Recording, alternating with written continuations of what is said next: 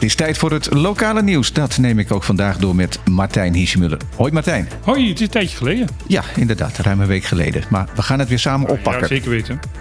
Er is een uh, duiker verongelukt, dodelijk verongelukt. Opnieuw een uh, dodelijk ongeval. Dit keer gaat het om een soloduiker. Het gaat om een soloduiker van 64 jaar die bij Hato het water ingegaan is.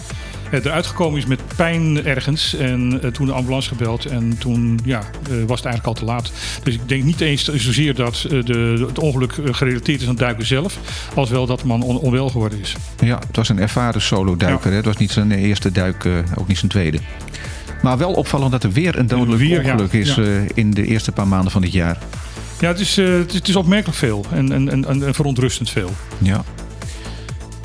De COVID-cijfers van de afgelopen week zijn weer bekend geworden. Nog iets uh, opvallends daarin? Opvallend is dat er uh, afgelopen week iemand overleden is aan, aan, COVID. Er lag al een hele tijd lag iemand uh, in het ziekenhuis en die is dus uiteindelijk aan de gevolgen overleden. Ja, dat dus, dus brengt het aantal op 30. Op 30 en dat is toch een hoog aantal. Aantal dodelijke slachtoffers. Ja, de aantal actieve gevallen, ondanks dat we allemaal feest, festiviteiten hebben gehad met die erin kon en al dat soort zaken, is maar met één gestegen. Er zijn wel 88 nieuwe gevallen gevonden, maar er zijn dus ook duidelijk weer heel veel mensen genezen verklaard. Dus we zitten op het ogenblik aan 38 actieve gevallen.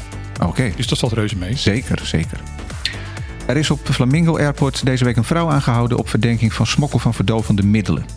Ja, het gaat over smokkel. Dat betekent dus dat ze meer bij zich had dan uh, voor persoonlijk gebruik. Ja, daar mag je van uitgaan. Want uh, anders, heb, anders spreek je niet van smokkel.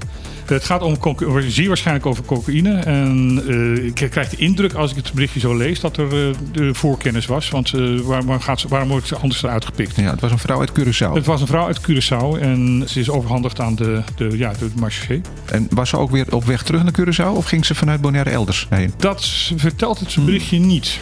Want het is een beetje een vreemde route om het weer terug ja. te brengen naar Curaçao. Dus misschien dat ze wel op de vlucht naar Nederland is gestapt. Dat maar dat weten we dus niet. Dat zou kunnen. Ja. Dan iets wat ons raakt. De journalistiek op Bonaire. Ja, uh, er is al een tijdje lang is er vanuit Nederland een uh, belangstelling van hoe staat het nou met de journalistiek en de kwaliteit van de journalistiek en de onafhankelijkheid van de journalistiek. Daar is ook uh, onderzoek naar gedaan. Daar beginnen de eerste resultaten bekend van te worden. Renske Pin, de, de onderzoekster uit uh, Curaçao, die hetzelfde onderzoek in de tijd heeft gedaan, ook voor Curaçao zelf en Aruba, mm -hmm.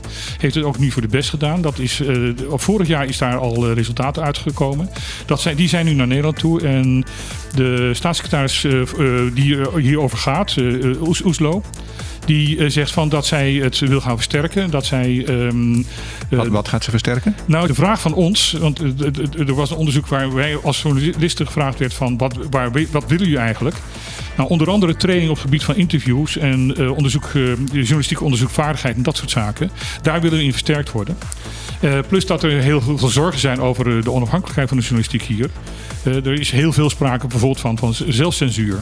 De, dat je dingen niet zegt over bijvoorbeeld sponsors die jou, jouw programma sponsoren. Ja, ja, ja, ja. Dus uit angst voor represailles, ja, het zij ja. van sponsors, het zij vanuit de politiek. Ja. En daarmee de, de waakhondfunctie van de journalistiek eigenlijk gewoon niet uitgeoefend kan worden. Hmm. En daar is veel zorg over. En de staatssecretaris heeft nu toegezegd dat zij zeer binnenkort met de resultaten van het onderzoek naar de Kamer komt. En ook met een plan van aanpak. Ja, dus bijvoorbeeld voor die opleiding zou dan een, een, een potje geld beschikbaar kunnen worden gesteld. Ja, en ook gaan kijken van, van hoe kunnen wij um, financieel bijvoorbeeld die journalistiek onafhankelijker maken van, van, van, van inderdaad uh, uh, inkomsten via sponsors. Ja. Dan naar Curaçao. We gaan uh, het hebben over de gokindustrie. Er is een rechtszaak gewonnen tegen een van de vijf masterlicentiehouders. Ja, moet ik even uitleggen hoe dat in elkaar zit. Ja. Er zijn vijf masterlicentiehouders op het eiland die het vergunning hebben om online uh, goksites aan te bieden. Maar die steden dat weer uit aan sublicentiehouders. Een heleboel, hè? Een heleboel. En eigenlijk is dat dus uh, in Curaçao wettelijk verboden. Dat mag eigenlijk niet. Maar dat wordt gedoogd. Maar dat wordt gedoogd en de politie handhaaft daar niet in. En de, de rechtszaak die nu gewonnen is, uh, door de, de, degene die dat aanhang heeft gemaakt, de Stichting Belangenbehartiging Gedupeerde Online Kansspelen. Ja, dat ging om iemand die zijn geld niet had gekregen. Hè? Ja, die had een, bijna een miljoen uh, Curaçao schuldens gewonnen. En uh, die werd opeens zijn licentie afgenomen. Of tenminste, hij is opeens opgezegd en hij kreeg niks uitbetaald. Ja, Dus toen is het in eerste instantie naar diegene waar die speelde gegaan. Ja, en die zei van uh, niks meer te maken. Ja, uh, u, uh, er is een foutje in het systeem, dat wordt wel goed gemaakt. Nou, er gebeurde helemaal niks. Uiteindelijk is dat naar de rechter gegaan. De stichting heeft belangen behartigd en ook de, de, proceskosten betaald.